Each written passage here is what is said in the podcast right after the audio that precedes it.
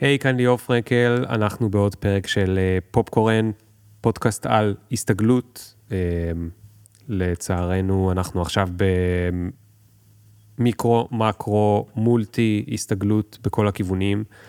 בלית ברירה אנחנו צריכים uh, למצוא איך אנחנו מתאימים את עצמנו למצב החדש והמאוד מאוד מסובך, עצוב, כואב. Uh, אולי יש בו הזדמנויות, אני לא יודע, החדש שאנחנו נמצאים בו. וגם זה פרק שהוא מיוחד למצב שלנו. אנחנו פה עם עומר זרחיה, והוא ידבר איתנו על אחד הדברים שיכולים לעזור uh, כרגע לנפגעי המלחמה, ויש הרבה כאלה, לא רק uh, הראשונים שאנחנו חושבים עליהם, אלא גם הרבה אחרים. אני אציג uh, רגע את uh, עומר, הוא מייסד שותף של חברת מסיקס פארמה, שמגדלת ומייצרת פטריות פסילוסיבין לשימוש רפואי בישראל, מה ששמעתם. רישיון הפעילות בו מחזיקה החברה הוא ראשון מסוגו בארץ, ומתקן הייצור שלהם הוא מהבודדים בעולם.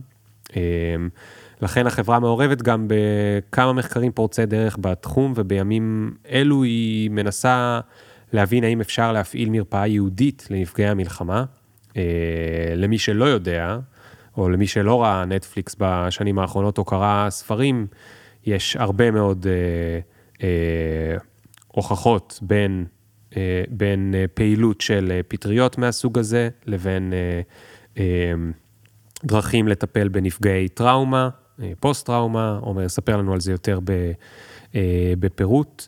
עומר הוא גם מרצה באוניברסיטת תל אביב ורייכמן לקנאביס ויזמות, כי בעברו הוא היה מבכירי ענף הקנאביס הרפואי בישראל, והיה גם סגן הנשיא של חברת קנדוק, שכיום הינה חברת הקנאביס הגדולה ביותר מחוץ לצפון אמריקה.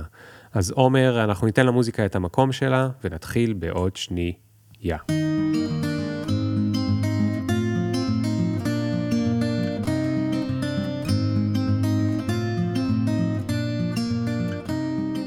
בואו נתחיל רגע מהבשר. איך פטריות פסילוסיבין, שזה השם הישראלי, סלנגי שלהם, זה פטריות הזיה, והחיבור שלנו אליהם הוא חיבור שבו אנחנו חושבים על uh, סאטלה כיפית, um, או ב, נקרא לזה בעם. Uh, מה הקשר בינו לבין טראומה ופוסט-טראומה? אז אהלן ליאור, uh, שאלה מאוד גדולה. אני אתן uh, תשובה אה, בהתחלה טיפה אה, מהירה ונצלול ממנה. בסופו של דבר, אה, פסיכדלים באופן כללי, בעצם מייצרים איזושהי השפעה על המוח, בין אם הפסיכדלים האלו זה הקנאביס, הקנבינואיד בשם THC ודומיו, בין אם זה MDMA, בין אם זה אקסטזי, and you name it. אנחנו באמת מכירים את זה מהעולם הלא חוקי, מצנת המסיבות. אבל דה פקטו מה שקורה, מדובר פה בעצם במולקולות שנכנסות לנו אל מחזור הדם ומשם עולות למוח, ובמוח מייצרות איזשהו אפקט. האפקט הזה מתורגם אצלנו הרבה מאוד פעמים לעולם הפנאי. אבל האפקט הזה גם יכול ללכת בקלות לעולם הרפואה. למה? כי מה זה בעצם האפקט הזה? האפקט הזה זה איזושהי השפעה על המוח. אם ניקח לדוגמה את פטריות הסילוסיבין, שנקראות כך דרך אגב, כי החומר האקטיבי המוביל בהם הוא סילוסיבין, זו מולקולה שנמצאת בתוך הפטריות. וההשפעה של הפטריות הזאת על המוח באה בכמה מובנים, שהמרכזי בה זה בעצם אלסטיות. הפטריות ברגע שנצרכות על ידי אה, אדם, נכנסות למחזור אדם ועולות אל המוח ועוברות את המחסום והן עוברות אותו, בעצם מייצרות איזושהי אלסטיות במוח, שאם היה אפשר לראות עכשיו את תנועת הידיים שלי, היו מבינים יותר טוב למה אני מתכוון, ובאמצעות האלסטיות הזאת אפשר, כמו בבצק, טיפה ללוש אותו. עכשיו, למה זה טוב? מכיוון ובהרבה מאוד התוויות רפואיות שקשורות בדרך כלל למנטל הלף, לעולם בריאות הנפש, נוצרות לנו קיבעונות. זאת אומרת, פוסט-טראומה לדוגמה, זה איזושהי טראומה שנכוותה בעבר, נסגרה בתוך איזושהי קופסה, על מנת שאותו בן אדם יוכל להמשיך לתפקד, הוא ממש הרחיק את הקופסה הזאת עמוק עמוק לנבחי נפשו, תפקד, תפקד, תפקד, ואז נוצר איזשהו טריגר במהלך חייו, זה יכול להיות uh, חודש, שנה, עשור, עשרים, חמישים, you name it, שכתוצאה מהטריגר הזה, הפוסט-טראומה, הטראומה בעצם אה, אה, עולה, ואז הוא הופך ללא תפקודי. מה שקורה לנו זה שאנחנו נועלים דברים בקופסאות, והדרך להיכנס פנימה, דרך הנעילה הזאת באמצעים מסורתיים, היא מאוד מאוד קשה. נכון להיום עובדים על שני צירים. הציר הראשון הוא ציר הפסיכולוגיה, שהוא ציר סופר משמעותי ואפקטיבי, שבמסגרתו אתה מנהל בעצם שיחה עם הפסיכולוג, השיחות האלה נמשכות איקס שנים, שבמהלכן הוא מנסה לחשוף שכבה ועוד שכבה ועוד שכבה ועוד שכבה ועוד שכבה, שבסופה לנסות ו- ו- ולחדור פנימה, להגיע פנימה, לגעת באותו, באותה טראומה, בזנב שלה אפילו, ואז להתחיל בעצם תהליך ריפוי. הוא בעצם מנסה לשנות את הקיבעונות mm. שאליהם אתה נכנסת על ידי אותה אה, שיחה מתגלגלת. כן.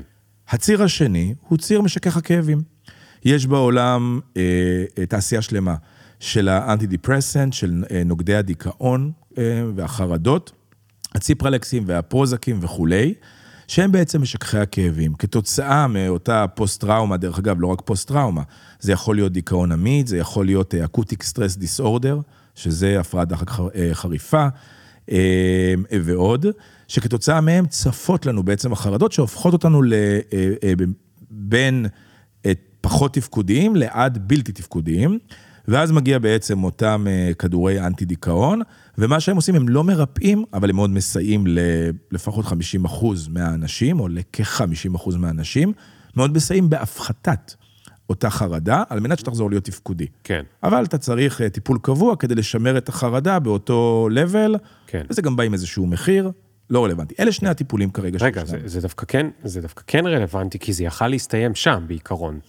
אם לא היה לזה איזשהו מחיר. אז יכולת להגיד, אוקיי, אני פשוט לא ידע שיש לי את הדבר הזה, אבל המחיר הזה הוא לפעמים גדול מאוד. זאת אומרת, המחיר הזה יכול להיות בין תחושת נמביות, של אני לא מרגיש את החרדות, אבל אני גם לא מרגיש באופן כללי כל מיני, אה, אה, יש לי פחות רגשות, אני פחות מחובר לדברים, פחות נבהל אולי מדברים, גם פחות מתרגש מדברים, ואז, אתה יודע, עד כדי שאדם אומר, למה החיים האלו, מה יש לי לחיות. אז נכון, אני לא חרד, אבל אני גם לא מרגיש ששום דבר לא אה, עובר עליי. אה, וגם, אנחנו יודעים את זה מתרופות אחרות שאנחנו, בטח במי שראה את הסדרות האחרונות המצוינות ב... אה, איך קוראים לסדרה הזאת?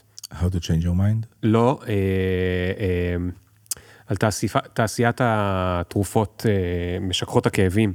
שכחתי, סדרה עלילתית, mm-hmm. תכף אני אה, אזכר בה, שכן יכול להיות שם או נזק אה, מצטבר, או כל מיני דברים אחרים. זאת אומרת, אני, אני, אני כן רוצה להגיד שהמחיר הזה הוא לא קטן.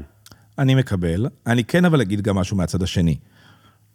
לתרופות, זה, זה, זה נחלק לרוב לשני משפחות, ה-SSRI וה-SNRI, זה מתייחס בעצם לעיכוב סרטונין, זה איזשהו תהליך כימי שפועל במוח. הם שינו את פני רפואת הנפש. זאת אומרת, לפניהם לא היו את הכלים הכימיים האלו שיכלו לסייע, ועבור הרבה מאוד אנשים הם מסייעים. אבל כן נגיד באמת את הצד הש... הצד הראשון, הם חשובות. הצד השני, שכשאני אומר הרבה מאוד אנשים, מדברים על עזרה לבין 50 ל-60 אחוז מהאנשים. זאת אומרת שהאחוז היתר לא... לא, זה לא עוזר. זה לא עוזר לו. נקודה נוספת, לוקח להם זמן להיכנס לפעולה, כמה שבועות. והנקודה באמת האקוטית שעליה אתה מדבר, זה השינוי הכימי השני שקורה אה, בגוף, מה שנקרא הנדנדה. מצד אחד, החרדות שלך יורדות, אבל זה, it comes with a cost. והקוסט יכול לבוא בחשק המיני, יכול לבוא בחשק לאוכל, יכול לבוא בחשק לחיים. זאת אומרת, יש פה איזשהו מחיר, שככל שהזמן עובר, ויש יותר אנשים שמשתמשים בזה, אנחנו באמת רואים את זה בצורה יותר רחבה. אז כן, חשוב לציין שהן קריט, חשובות מאוד ל, ל, ל, לרפואה המערבית, אבל it comes with a cost. כן. אה, ואלו בעצם שתי הדרכים היום לטפל בעולם הזה של הטראומה, של הדיכאון וכולי וכולי. או טיפול ארוך, או, או וגם, טיפול ארוך באמצ... אה, פסיכולוגי, כדי בעצם לבקע את החומות המבוצרות הללו, ו/או השימוש בנוגדי דיכאון. כן? זה משכך הכאבים וזה הטיפול. יפה. אבל עכשיו מגיע בעצם עולם הפסיכדלים. כמו שהתחלתי בשיחה, הפסיכדליה בעצם מצליחה להיכנס פנימה, לתוך המוח ולעשות שם שינויים. ואם ניקח את פטריות הסילוסיבין, כמו שאמרתי בהתחלה, מייצר איזשהו, איזושהי אלסטיות במוח. למה זה קריטי? כי באמצעות האלסטיות הזאת, מטפל שמלווה את הטיפול בזמן אמת, יכול לחדור פנימה לתוך בעצם המוח של הבן אדם, ולגעת די מהר בעצב הזה, בכאב, בטראומה, בסיבה שמולידה את הדיכאון, בסיבה שהולידה את הטראומה. וברגע שאתה נוגע בה, אתה יכול לטפל. אז זה כמו, ואם אני עושה הפשטה מדי, אז ת, ת, תוריד אותי, כי זה לא יפה ל- לעשות הפשטות מדי, אבל זה כמו שאם מגיע אליי מסאג'יסט, הוא לא ישר דוחף לי את המרפק בתוך הזה, אלא קודם יש חימום של המקום, ומכיוון שהמקום עכשיו חם ויותר גמיש, עכשיו הוא יכול להכניס את המרפק שלו שם עד לבטן שלי, כדי לנסות להזיז דברים. אני אקח את מה שאתה אומר ואני טיפה, אני מסכים ואני טיפה אוסיף. החלק הכי מהותי בטיפול, מעבר לריפוי שלו, הוא זיהוי הבעיה. תחשוב שאתה נמצא בעולם אינסופי, שאתה צריך לדעת לאיזה חדר להיכנס, כן. וכל הדלתות סגורות. אז הרבה פעמים אתה תלך לדלתות הטיפה פתוחות, אבל אתה לא תמצא שם בהכרח את הסיבה האמיתית, את הגרעין, את הקור, את ה... מה שהוליד את הטראומה. ובאמצעות הפתרון אתה באמת יכול, קודם כל, לגעת בדלת הנכונה, ואז להיכנס בה, ואז לטפל. אז רק תראה, תראה, אני רוצה לראות שהבנתי. אף אחד פה לא אומר, ותתקן אותי שוב אם אני טועה, ש... לקחת את הפטריות האלה, אה, לא משנה, נגיד שאתה יודע להגיד מה המינון הנכון וכולי, זה מה שפותר את הבעיה. אתה אומר, לקחת את הפטריות האלה זה כמו אותו שמן של המסאג'יסט שעכשיו מרכך לי את הזה. עדיין צריך את המטפל או מטפלת, שיהיו שם, אחת שהמוח עכשיו יותר גמיש, צריך שם איש מקצוע שידע להיכנס ולעשות את הדבר העדין מאוד וה... וה... נכון? אז אתה צודק. בסופו של דבר הפטריות הן כלי עבודה. הן כלי עבודה בידי המטפל כדי באמת לגשת לא, לאותה טראומה, לאותו, לאותה נקודה ולטפל בה. אני כן אשים בסוגריים, שכל מה שאנחנו מדברים עליו עכשיו, זה על התוויות אקוטיות, זאת אומרת על אה, התוויות רפואיות חמורות, כמו דיכאון עמיד, שנקרא באנגלית TRD, למה עמיד? כי הוא עמיד בפני טיפולים, זה דיכאון שאין טיפול שעוזר לו. אה, PTSD, הפוסט-טראומה, אלה הדברים הגדולים. אני כן שם את הסוגריים ואגיד שעבור עולם החרדות לדוגמה, שהן לא אקוטיות, זאת אומרת, אתה, לא אתה, אבל אתה מתעורר בבוקר עם איזושהי חרדה לגבי העולם, זה מוריד לך ב-X אחוזים את יכולת התפקוד, אבל אתה עדיין fully functional, אז לא 100 אחוז, 80 אחוז. ואז הרבה מאוד מהאנשים לוקחים איזשהו נוגד דיכאון. Mm. לוקחים רבע כדור, משתמשים בו, וזה מעלה אותם לרמה טיפה יותר גבוהה. עבור אותם אנשים, על פניו, ממה שאנחנו יודעים מהמחקרים של העבר, ואנחנו בעצמנו מקדמים אה, אה, מחקר פה בארץ, קליני, על הדבר הזה, שימוש שבועי בכמות יותר קטנה של פטריות, מה שנקרא בעגה microdosing, כמות יותר קטנה לאורך זמן, יכול מאוד לסייע. מה זאת אומרת יכול מאוד לסייע? יכול to uplift your, your spirit. אבל מכיוון ומה שאנחנו מתעסקים איתו זה פטריות ממקור צמחי. אז אין לך את הצד השני של עולם האנטי-דיפרסנט, את הצד השני של תופעות הלוואי. Mm.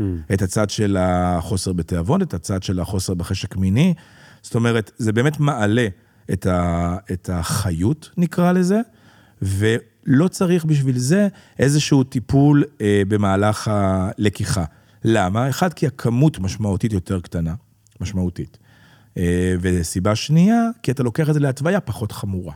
אוקיי. Okay. אבל ההתוויות החמורות שלשמן נתכנסנו, הטיפול המבלה הוא, הטיפול המלווה הוא משמעותי. אז איך נראה הטיפול? אז יש כל מיני אסכולות ויש אה, כמה אה, מתווי טיפול. המתווה הקלאסי אה, שמדברים עליו הוא מתווה פרטני, אפשר גם קבוצתי, ניגע בזה עוד מעט. מתווה פרטני שבמסגרתו יש אה, מטופל עם שני מטפלים, פוגשים אותו לסדר גודל של בין 8 ל-12 מפגשים. שבמהלכם, המפגשים הראשונים, השלושה ארבעה מפגשים הראשונים, הם מפגשי היכרות. הם מפגשים שבהם המטרה לייצר אה, אמון בין המטופל לבין המטפלים שלו, להכיר את הסביבה, כי לעולם ה-set and setting בטיפולים פסיכדליים יש המון משמעות, לייצר לו ביטחון על הסביבה, לייצר לו ביטחון על המטפלים, לספר לו מה הולך לקרות, מה הולך לחוות, לשמוע טיפה עליו, לייצר קרבה. כן. אלה, זה בעצם uh, המקדים. לאחריהם יש אה, לרוב שניים עד שלושה טיפולים בחומר פעיל. אלה בעצם הטיפולים באותו set and setting, זה אותם מטפלים, אותה מרפאה, שבמסגרתם אה, נותנים למטופל את הפטריות. הוא לוקח אה, בעצם את המנה, ונמצאים איתו סדר גודל של שש שעות. במהלכם הוא חווה את החוויה הפסיכדלית, מה שנקרא בעגה הפחות מקצועית, trip. במהלך ה trip הזה, מתבצע כל התהליך שאמרתי מקודם, האלסטיות של אה, מוח, והניסיון של המטפלים שכבר מכירים את הבן אדם ויש להם איזושהי אה, מפה מסוימת עליו, להיכנס בעצם פנימה ולגעת באותה נקודות. עכשיו עצור שנייה. עצרת. אם אני הולך לפסיכולוג שיש לו תעודה, או לפסיכיאטר, טוב, פסיכיאטר זה הרבה יותר, אה, כי הוא צריך גם להיות רופא, אבל נגיד אני הולך לפסיכולוגית, פסיכולוג, פסיכולוגית, הם עשו סטאז' במשך הרבה מאוד זמן, על כל מיני, אה, על הרבה מאוד אנשים, והם לומדים דברים שיש מאחוריהם עשרות ארוכות של אה, שנים ומחקר ו- ו- והתפתחות וכולי. עכשיו, אני פוגש שני מטפלים, אבל איפה הם עשו את הסטאז'? זה הרי הכל חדש. שאלה מצוינת. איך זה לא מפחיד שהם ייכנסו לי למגירה הלא נכונה? שאלה מצוינת. אז נאמר שהיום בעולם שלנו, העולם המערבי, אה, פטריות הן לא חוקיות. אולי בזה היינו בכלל צריכים להתחיל את הסשן. פטריות אה, סילוסיבין, כמו חומרים פסיכדליים אחרים, כמו MDMA, אה, מוגדרות כסם מסוכן ונמצאות ברשימת הסמים המסוכנים, שבמסגרתם נאמר, מדובר פה בסם מסוכן שאסור להשתמש בו. זה נכון ל, לקנדה וזה נכון לארצות הברית ברמת הפדרל וזה נכון לישראל ולגרמניה ולאיטליה, and you name it. זאת אומרת שנכון להיום, מי שמשתמש בפטריות בארץ או בחו"ל, עובר לחוק. מה הפורמט שכן אפשר להשתמש בו? הפורמט הוא באמצעות ניסוי קליני. ניסוי קליני משמעו, ישנו בית חולים, בין אם בארץ בין אם בחו"ל, שלוקח בעלות על, התהליך, מאמין שיש פה ערך רפואי, מקבל את כל האישורים הנדרשים, מגייס מטופלים שיעברו את זה, עושה להם screening, אה, מיון נקרא לזה, ואז יש לו איזושהי קבוצת מבחן שעליה הוא מנסה את זה. זאת אומרת, כבר מטופל שמגיע לאותו ניסוי קליני, עבר את כל התהליך הזה מול מוסד רפואי מוכר, ויודע למה הוא נכנס. זאת אומרת שלשאלתך, מדובר פה במטפלים שהיו צריכים לעבור הרבה מאוד מחסומים והרבה מאוד מבחנים כדי בכלל לקבל את האישור mm. לעשות את הניסוי הזה. Okay. אוקיי. זאת אומרת שזה, ה... שזה העולם. יש פה איזושהי בעלות של המדינה, שהיא לוקחת על התהליך, היא אומרת, אוקיי, אני מוכנה את זה בצורה מדודה, בצורה אה, אה, מסוימת, שבה אתם תעשו את זה, ובתנאי ש-1, 2, 3, 4, 5, 6. אוקיי. זה דרך אגב העולם שאנחנו אה, נמצאים בו, היינו בו יותר, עד השביעי באוקטובר. בניסויים שאנחנו עושים אה, בישראל, שבמסגרתם עוברים את כל התהליך. איפה הניסויים? באיזה בתי חולים? אז אנחנו עובדים עם כמה בתי חולים בארץ, אה, אנחנו עובדים עם בית החולים אה, בבאר שבע, אנחנו עובדים עם אה, שני בתי חולים פה בארץ, אה, במרכז, אנחנו עובדים עם עוד שני גופים על ניסויים פרה-קליניים. אה, גם במרכז.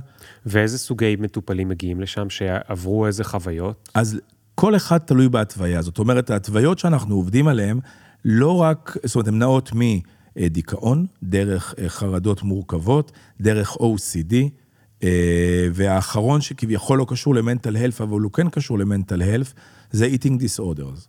זה הפרעות אכילה. אבל זה העולם הקליני, שהוא מדהים וחשוב, והצורה שבה העולם המערבי עובד.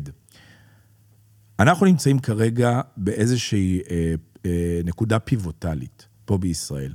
והנקודה הפיבוטלית היא שכתוצאה ממה שקרה בשביעי באוקטובר, מהזוועות שקרו בשביעי באוקטובר, אנחנו קיבלנו כחברה מספר לא הגיוני של אנשים שמעבר לזה שהם נפגעו פיזית, הם נפגעו נפשית.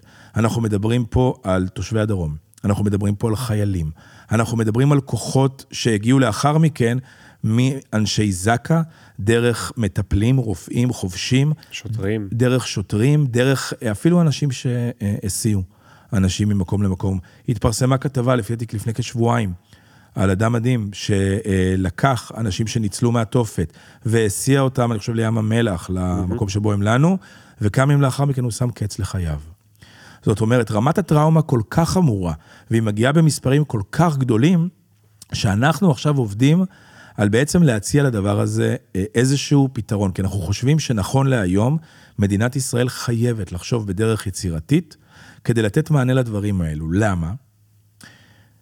ברגע שנכווית הטראומה, אדם נכנס בחודש הראשון, אה, more or less, למקום שנקרא ASD. המקום הזה, ה-Acoustic Stress Disorder, זה באמת אותה הפרעת דחק, דחק חריפה. אחרי כחודש, אותה הפרעת דחק חריפה יכולה לעבור, לעשות טרנספורמציה לאותו אה, PTSD שאנחנו מדברים עליו, הפוסט-טראומה. עכשיו, הספרות מלמדת אותנו, וגם הניסיון, שמרבית האנשים יצליחו להיחלץ מזה. זאת אומרת, הם חזקים גנטית, הם עברו דבר או שניים בחיים, אין להם איזשהו כן. אה, לי- היסטוריה. נדמה לי 80-90 אחוז. אחוז מאוד מאוד יפה. יצליחו לצאת מזה. אבל עבור אותם אחוזים שהם לא מבוטלים, זה יכול לנוע בין 10 ל-30 אחוז, תלוי בגודל הטראומה, תלוי באוכלוסייה, עבור אותם אחוזים, הרפואה היום מציעה את מה שאני התחלתי איתו. טיפול פסיכולוגי שלוקח שנים, כן. או לחילופין משככי כאבים. ועבור אותם אנשים, אנחנו חושבים, ויחד עם בית החולים שחברנו איתו בדרום, שאנחנו חייבים, זו החובה שלנו לספק איזשהו מענה יצירתי, שיש לו היסטוריה טיפולית, שיכול להוות מפנה עבור אותם אנשים. ויפה שעה אחת קודם, למה? כי ככל שאנחנו יותר קרובים לקרות האירוע, לזמן, בטיימליין שבו קרה האירוע, היכולת להשפיע הם, הם יותר גבוהה. כן. ולכן חשוב לנו בעצם לעשות את זה. מכאן, מכאן מגיעה כל הפעילות שלנו סביב אותה מרפאה לטיפול בטראומה ופוסט-טראומה באמצעות אה, פטריות הסילוסיבין. אנחנו ממש הכנו את כל התשתית כבר לקיום הדבר הזה, ואנחנו עובדים עכשיו בשיתוף פעולה עם משרד הבריאות כדי לקבל את האישור הזה. זה אישור מיוחד שאנחנו רוצים לקבל אותו בהקדם האפשרי, כדי להתחיל לטפל.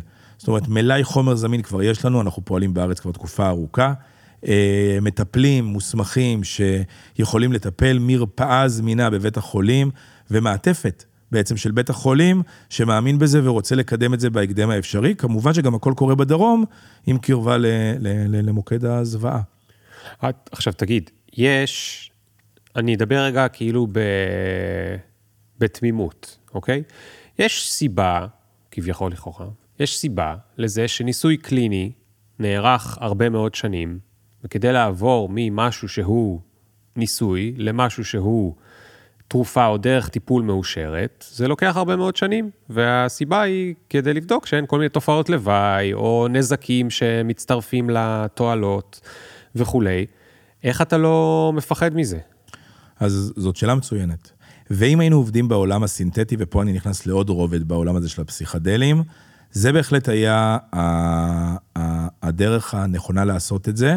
אני כן הייתי מאתגר מה אותה. זה העולם הסינתטי? העולם הסינתטי זה בעצם להיכנס למעבדה ולסנטז במעבדה מולקולה ספציפית mm. שמסייעת. דיברתי מקודם ואמרתי שפטריות הסילוסיבין נקראות ככה על שם המולקולה הבולטת בהם שנקראת סילוסיבין. אך היא אינה היחידה. אשווה את זה לעולם הקנאביס רגע שרוב המאזינים מכירים יותר טוב. הקנאביס הוא צמח. ובתור הקנאביס קיימות מאות מולקולות, שמתחלקות לכמה משפחות, למשפחת הקנבינואידים, למשפחת הטרפנים והפלבינואידים. כאשר בעבר, לפני 50 שנה ו-100 שנה, אה, כשגילו, גילו בעצם את מולקולת, לדוגמה, ה-CBD ולאחר מכן ה-THC. דרך אגב, ה-THC התגלתה על ידי פרופסור ישראלי, פרופסור משולם, שלאחרונה גם נפטר, הוא היה מה שנקרא הסבא של הקנאביס. אבל סביב אותן מולקולות ישנן עוד מאות מולקולות שעובדות. ומכאן הגיע הביטוי שנקרא אנטוראז' אפקט, אפקט הפמליה. שמה הוא, הוא בא ואומר? שברגע שאתה כמשתמש צורך קנאביס, אתה מכניס אל תוך הגוף שלך מאות מולקולות, שמייצרות ביניהם איזושהי סינרגיה, שמייצרת אפקט, אפקט הפמליה, שמייצר את ההשפעה על הגוף. אם תיקח רק את מולקולת ה-THC, או רק את מולקולת ה-CBD, שהן שתי המולקולות הבולטות באחוזים שלהם בתוך הצמח, ההשפעה תהיה X. אבל אם תיקח את כל הצמח, כמו שהטבע יצר אותו, ההשפעה תהיה, ברוב המחקרים שראינו, משמעותית יותר אפקטיבית, מבחינה תרפיוטית. אוקיי. same goes with psilocybin. עם סילוסיבין, אם תיקח, ודרך אגב, ובקנאביס אתה יכול לסנטז רק את ה-THC ורק את ה-CBD, וישנן כמה תרופות שמבוססות על המולקולה הבודדת. אבל במבחן התוצאה, במדינות שבהן קנאביס עד היום אושר, המוצר המוביל ב- in a landslide, זה הקנאביס ממקור צמחי. כי אפקט הפמליה הוא כל כך משמעותי. ולכן אגב, רופאים לא נותנים כדור קנאביס, אלא נותנים מרשם לצמח? בזה יש טיפה יותר מורכבות. התשובה הקצרה היא כן, הארוכה היא לא. אה, בתשובה הקצרה הם נותנים באמת מרשם לצמח, לתפרחת, מכיוון שבמסגרת המסלול שעבר הקנאביס, הוא לא נכנס במסלול הרגיל, המסלול הקליני. לבתי המרקחת כתרופת מרשם. עד היום בקנאביס, או כל התוויות שעליהם אנחנו רושמים, הרופאים רושמים, קנאביס רפואי, אין מאחוריהם באמת ניסוי קליני, כמו שדיברת מקודם, mm. שמאושש את השימוש. מה כן מאושש את השימוש? השטח. יש היום בישראל למעלה מ-130 אלף מטופלים בקנאביס רפואי על בסיס חודשי. 130, למעלה מ-130 אלף מטופלים בעלי מרשם רפואי, רישיון, להוציא מבתי המרקחת קנאביס רפואי. ויש להתוויות כדוגמת PTSD, ואנורקסיה, וסרטן, ואוטיזם ילדים, אנצנטרה אנצנטרה.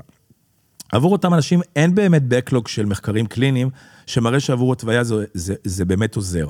אבל דה פקטו בשטח זה באמת עוזר, זה באמת משכך את הכאב שלהם בצורה דרמטית, וזה מה שמאפשר להם לחזור לחיים ולחזור למעגל העבודה ועל כל המשתמע מכך. אבל זה, אתה טוען, גם good enough ל, ל, לעולם הרפואה, כדי לרשום, ל, לתת לזה משהו שנקרא מרשם. בעולם נוצר מסלול מקביל למסלול ה-FDA, המסלול הקליני הקלאסי, ומי שפרץ אותו היה הקנאביס. Mm. הוא בא ממקור צמחי, אנחנו נותנים איזשהו כבוד לטבע שבעצם יצר אותו במשך אלפי שנים, תרבויות עתיקות שהשתמשו בו. עולם הסייפטי. הוא נבדק יחסית בקלות, כי אין פה בעצם את הסינטוז, את המולקולה הזאת שהגיעה מידיו של מדען, כן. ועכשיו צריך לעבוד ולבדוק האם באמת היא מסוכנת עם זה. למרות שב-MDMA יש. MDMA הוא מוצר סינתטי. נכון. אני אומר, זה ההבדל. אתה אומר בניגוד אליו, בניגוד אליו. סילוסיבין. פטריות הסילוסיבין, בהם גם אוקיי. יש מוצר סינתטי, כמו בקנאביס, אפשר לסנטז את המולקולה הבודדת. Hmm. אבל ההתרשמות של רופאים ברחבי העולם, וממה שרואים במחקרים קליניים, כולל דרך אגב מחקרים גם כימיים שנעשו ונעשים בארץ, אנחנו רואים השפעה שונה. של הסילוסיבין שמגיע ממקור צמחי, בגלל אותו אפקט שנקרא אפקט הפמליה, זו הסברה הרווחת. ולכן, ברגע שאנחנו הולכים לעולם הצמח, ולוקחים פטריות ממקור צמחי, אנחנו בעצם נכנסים לאותו מסלול של קנאביס.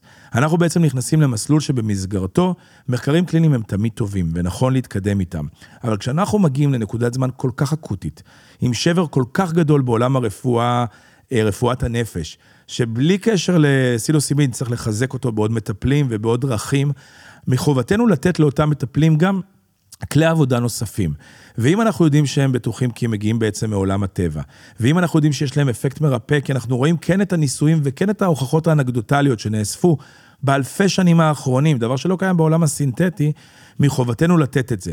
באחריות, בפיקוח, ברופאים שמלווים את זה, במשרד שנותן אישור, אבל מבקר את כל הדרך ונותן ממש רשימת מכולת מאוד מורכבת של איך הוא מצפה לקבל את זה, כמו כל תרופה אחרת, ואיך המטפל אמור לדווח על זה, ואיך נעשית הביקורת. הכל חייב לעבוד בתוך זה. כן. אבל באותו beta site, באותה מרפאה, שבה אתה מתחיל ומטפל ב-X אנשים, שנכון להיום אין לך מענה עליהם.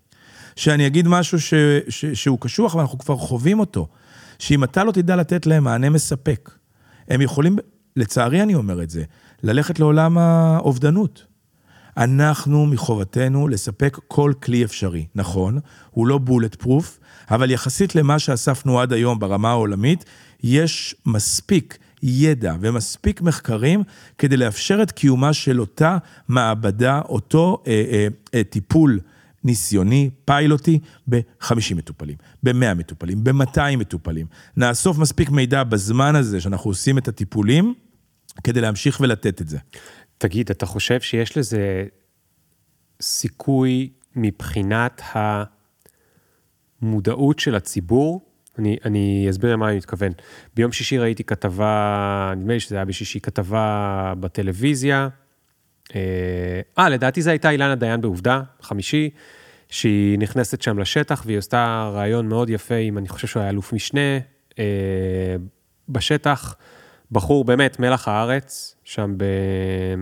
נדמה לי שזה היה 501, 511, אה, והיא שואלת אותו משהו על איזשהו בחור שיש לו, והוא אומר, אני לא אתן לו לצאת לאפטר מהיר בבית ולחזור, כי זה יעלה את הסיכוי שלו להלם קרב.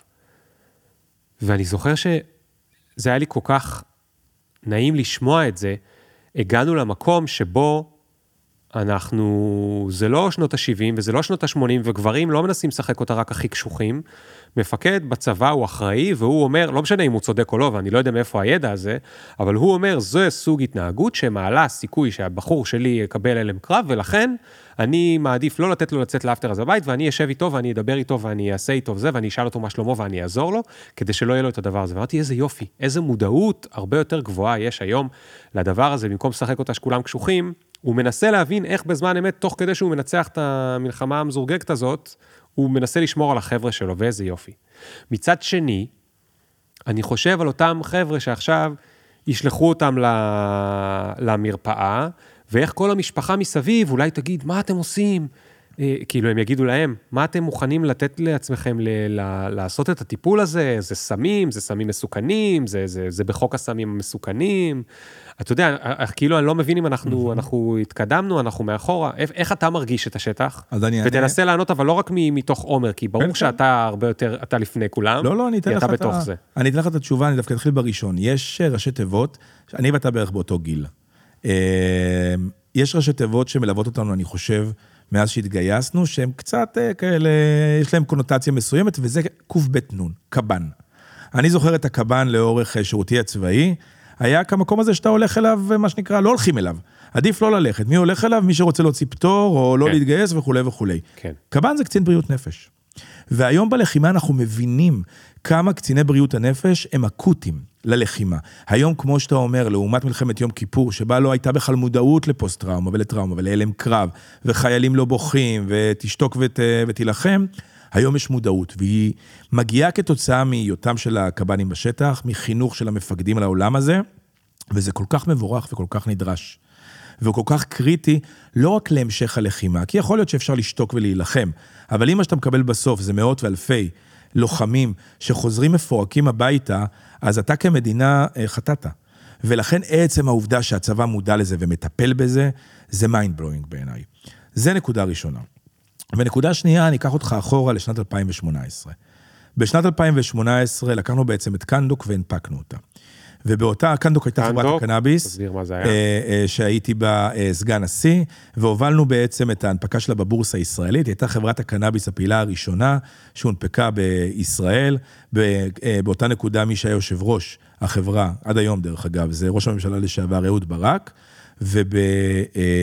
ובבניין הבורסה הוא נשא נאום, שבמסגרת הנאום הוא אמר, אני מעולם לא צרכתי אה, קנאביס, לא שמתי מעל הלשון ולא שמתי מתחת ללשון. למה זה מצחיק? כי אותה נקודה הייתה, אה, בראי ההיסטוריה, נקודה פיבוטלית. כמובן, היא התווספה לאותה תקופה, אבל עדיין נקודה פיבוטלית, שבמסגרתה הקנאביס הפך להיות מסם לסטלנים, לבעצם מוצר רפואי. שים לב איך היום אנחנו אומרים קנאביס. פעם לא היינו אומרים קנאביס, היינו אומרים מריחואנה. פעם היינו אומרים וויד, היינו אומרים ירוק, היינו אומרים חום, היינו אומרים חשיש, לא היינו אומרים קנאביס. קנאביס עטוף ביותר אלמנט רפואי, קנאביס רפואי. ובעצם נוצרה איזוש, נוצר איזשהו שינוי בדעת הקהל. אתה רואה את זה גם ברישיונות שניתנים, משרד הבריאות מוציא כל חודש, היחידה לקנאביס רפואי במשרד הבריאות מוציאה כל חודש מיפוי של בעצם בעלי הרישיונות, ואתה רואה את ההתוויות הרפואיות וגם את הגיל. את הגיל. אתה רואה שהגילאים המבוגרים שפעם נרתעו מהדבר הזה שנקרא מריחואנה, כי זה סאטלה וזה יעלה לראש ואוי אוי אוי, פתאום מבינים את הערך הרפואי שיש לזה ואתה רואה את זה במספרים. אותו תהליך קורה גם בפטריות. אם הייתי מדבר פעם על פטריות, כשאני אומר פעם זה לפני כמה שנים בודדות, הייתי מדבר עם הציבור המבוגר על פטריות אה, הזיה, היו אומרים לי, מה, זה וודסטוק, מי שטיפה מכיר את העולם, או אנשים יחזרו דולפינים מהדבר הזה, זאת אומרת, ה- המוניטין של זה היה מאוד מאוד גרוע. אבל היום, אחרי הסדרות שנעשו בנטפליקס, והכתבות שיש... מייקל פולין. והכתבות שאתה רואה גם בעיתונות הישראלית, פתאום יש פתיחות, פתאום אנשים מדברים על זה. בסקר שנעשה אה, לאחרונה בארצות הברית, וגם מספרים שמדברים עליהם בארץ, מדברים על כמעט עשרה אחוז, קצת פחות, אבל כמעט עשרה אחוז מהאוכלוסייה שמדווחת שהיא בחייה ניסתה פטריות. זאת אומרת, זה כבר אחוז לא מבוטל, והוא הולך וגדל. אז נכון, ברובם המוחלט הם מנסים אותו למטרות פנאי. אבל התהליך הזה, ברגע שאתה רואה יותר ויותר אנשים שיוצאים החוצה, לא מתביישים, ומספרים על הטיפול שהם עברו, על החוויה שהם עברו עם הפטריות, דעת הקהל משתנה. אני אגיד לך שאליי פנה אה, באופן אה, אישי, לוחם שנפצע באורח קשה ב- ביום הראשון ללחימה, שנפצע פיזית באורח קשה, פנה ואמר כמה שבועות אחרי, כמה שבועות, שלושה שבועות אחרי, זה היה לפני אה, שבוע וחצי, שהוא מחלים מפצעיו, מה שנקרא, הוא מצבו הרבה יותר טוב, הוא מחלים מפצעיו, אבל הוא מבין את גודל הטראומה שהוא עבר, מניסיון קודם, ניסיון פנאי שהיה לו עם הפטריות, הוא מרגיש שזה מה שיסייע לו.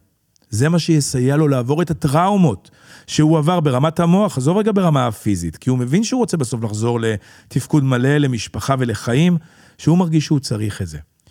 התקשר אליי, פנה אליי אה, בחור ישראלי לשעבר שחי היום בניו יורק, שעבר גם טיפול באמצעות פסיכדלים, היה לו פוסט-טראומה לפני הרבה מאוד שנים, והוא אמר, ניסיתי הכל וזה לא עבד, וזה הדבר שסייע לי.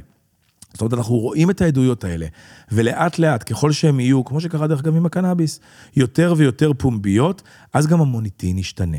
תוסיף לזה גם את העובדה שבסופו של דבר אדם מבוגר, לוחם, אה, אה, תושב דרום, אה, אפילו אדם שחי בארץ והמשפחה שלו נרצחה או ניזוקה בצורה קיצונית, יחד עם המערכת שעוטפת אותו, המערכת שאנחנו מייצרים, בעצם שיטת ה screening, ולאחריה המטפלים, יודעת להגיד האם אותו בן אדם יכול בעצם לקבל או פוטנציאל הטיפול בו הוא גבוה, ובהתאם לטפל בו. נכון, יהיו אנשים שיהיו פחות מתאימים לטיפול, אבל אנחנו מדברים בשלב ראשון על עשרות, ועבור אותם עשרות יש מספיק אנשים שנכון לטפל בהם, ויפה שעה אחת קודם. תגיד, מה, מה זה אומר? שבסוף הטיפול מה? הוא לא יזכור את הזוועות שהוא ראה? לא, זה לא ישפיע על הזיכרון.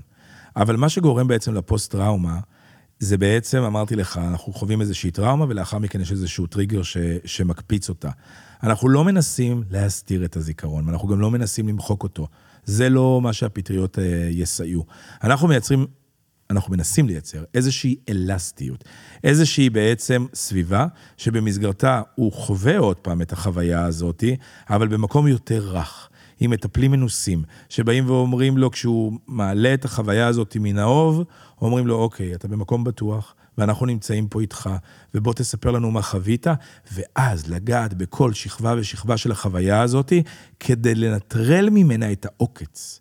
להוציא בעצם את אותו עוקץ שעוקץ אותו ומציף את כל אותן אה, תגובות, לעתים רצוניות, לעתים בלתי רצוניות, שכתוצאה מהן הוא הופך להיות אה, אלים או דיכאוני או בלתי מתפקד, et cetera. תגיד, הפרוטוקול של מה שקורה שם בפגישות, זה מצולם בניסויים?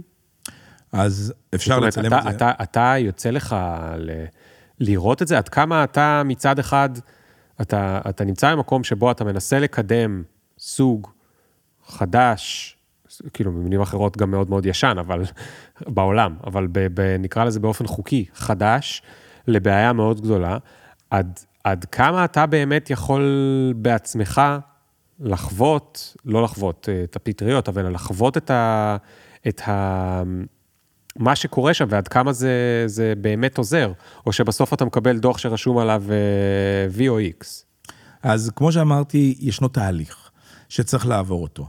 והתהליך הזה הוא במתכונת קלינית. הכל מתועד, הכל אה, ממוסמך, הכל נמצא שם, וגם בסוף כל טיפול המטפלים נותנים אה, תצהיר. הם בעצם מדווחים מה היה וכולי וכולי.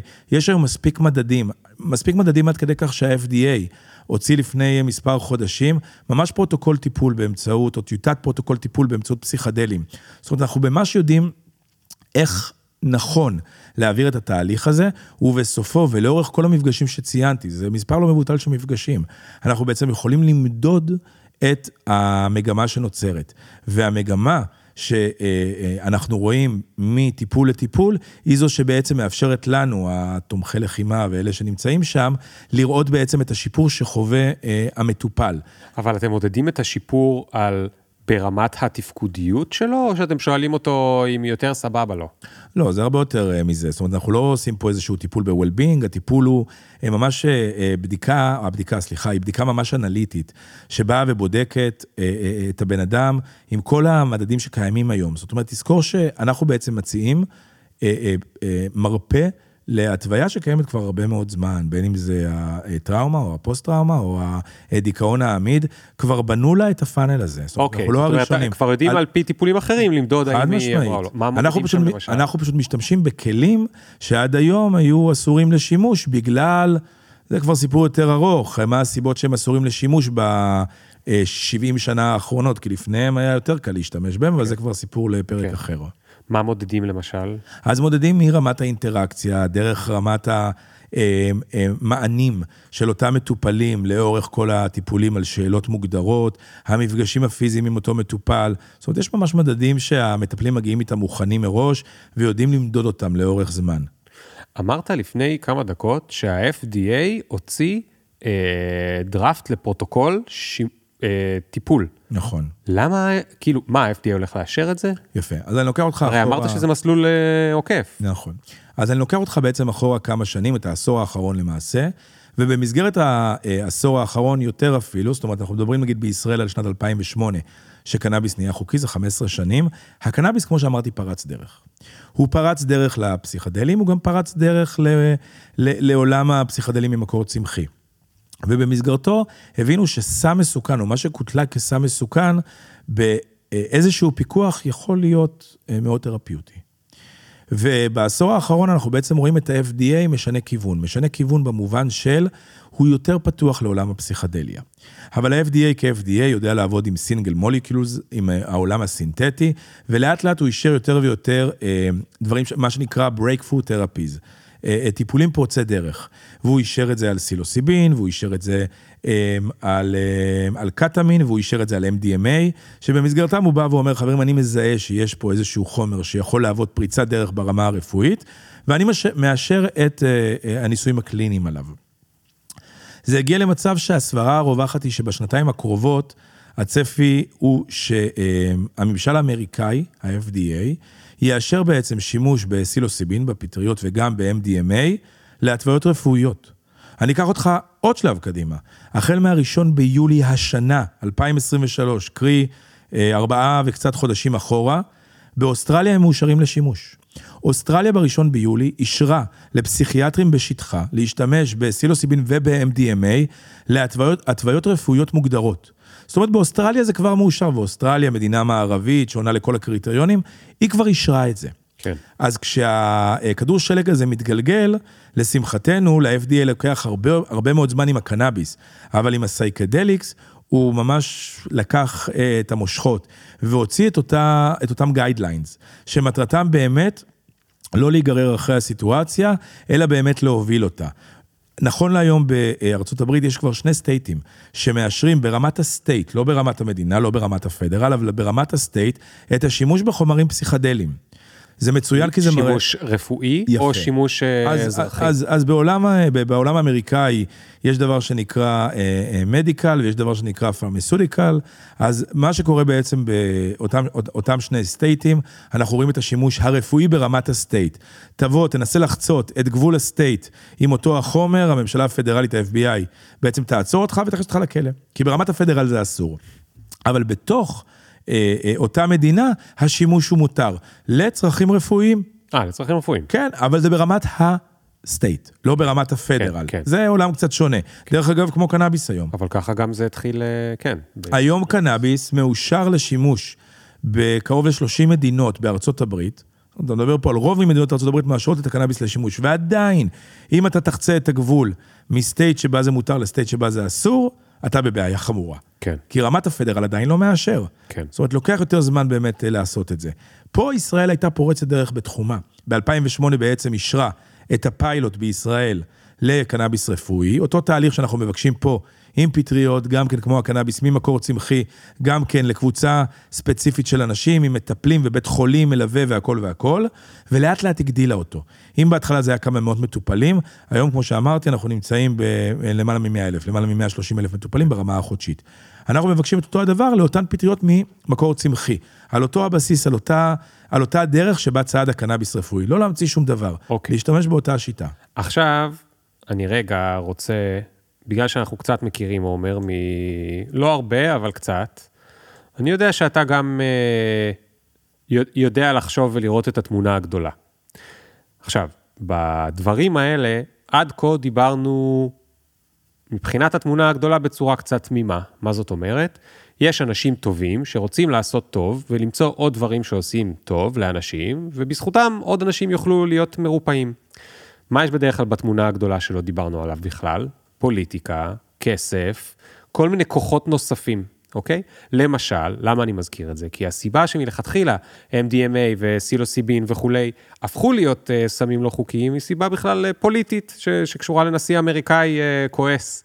Uh, ו- ומשם זה הלך ו- ו- וקרה, ופתאום מקום שהיה בו הרבה מאוד התקדמות ל-10-20 שנים, אני לא זוכר כמה בדיוק, עם לירי וחבריו, נעצר בבת אחת, mm-hmm.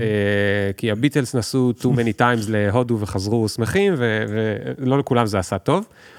האם עכשיו יש גם שכבות שאתה מוסיף לסיפור הזה שצריך להכיר, שהן פוליטיות או קשורות לכסף או לכל מיני כוחות אה, זה, זאת אומרת שהן יכולות או עשויות או עלולות לעצור את ההתקדמות הזו, אה, שאתה יודע עליהן.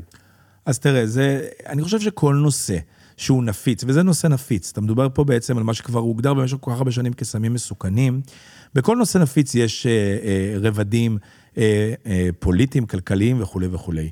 וכן, יש, וזה גם, in a way, לגיטימי. אבל כמו שקורה עם הפסיכדלים בעולם, וככה גם קורה בארץ, אנחנו מתקדמים עקב בצד אגודל. אני חושב שזה נכון לעולם הפסיכדלי, וזה נכון לעוד הרבה מאוד עולמות פה בארץ. אנחנו, אני חושב, מבינים עכשיו את גודל השעה.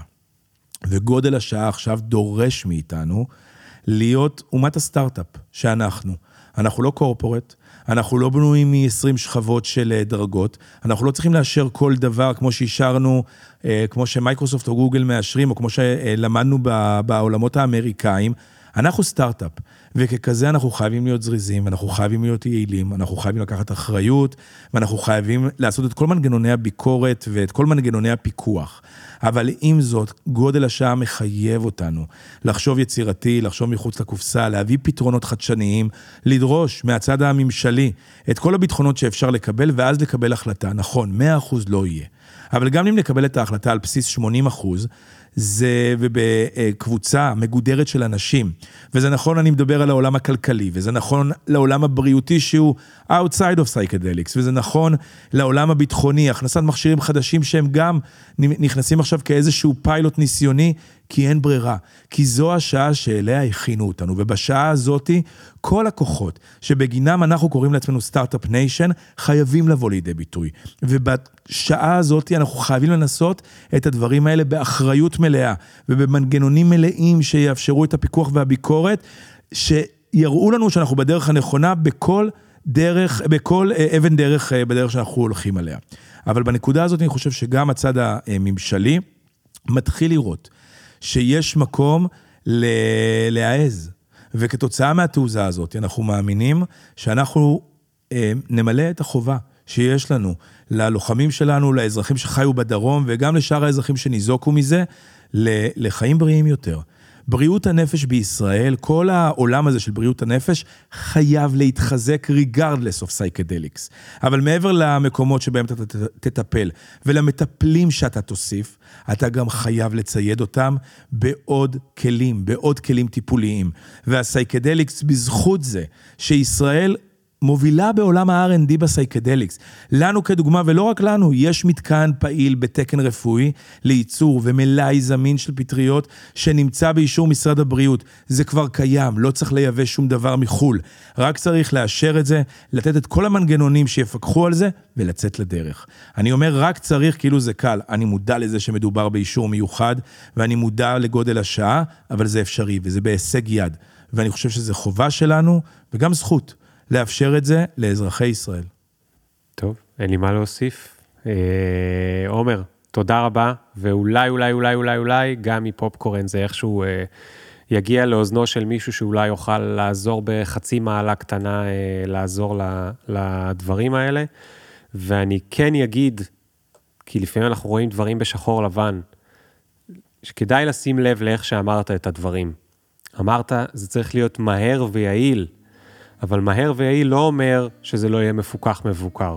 זה פשוט אומר כנראה פחות בירוקרטיות. זה לא אומר שזה לא באחריות, ואני אומר את זה למי ששומע וחושב אולי שחור לבן, לא, זה יכול להיות אה, אה, גם וגם. תודה רבה רבה רבה, עומר. תודה רבה ליאור. יאללה, ביי. יהיה סוף טוב.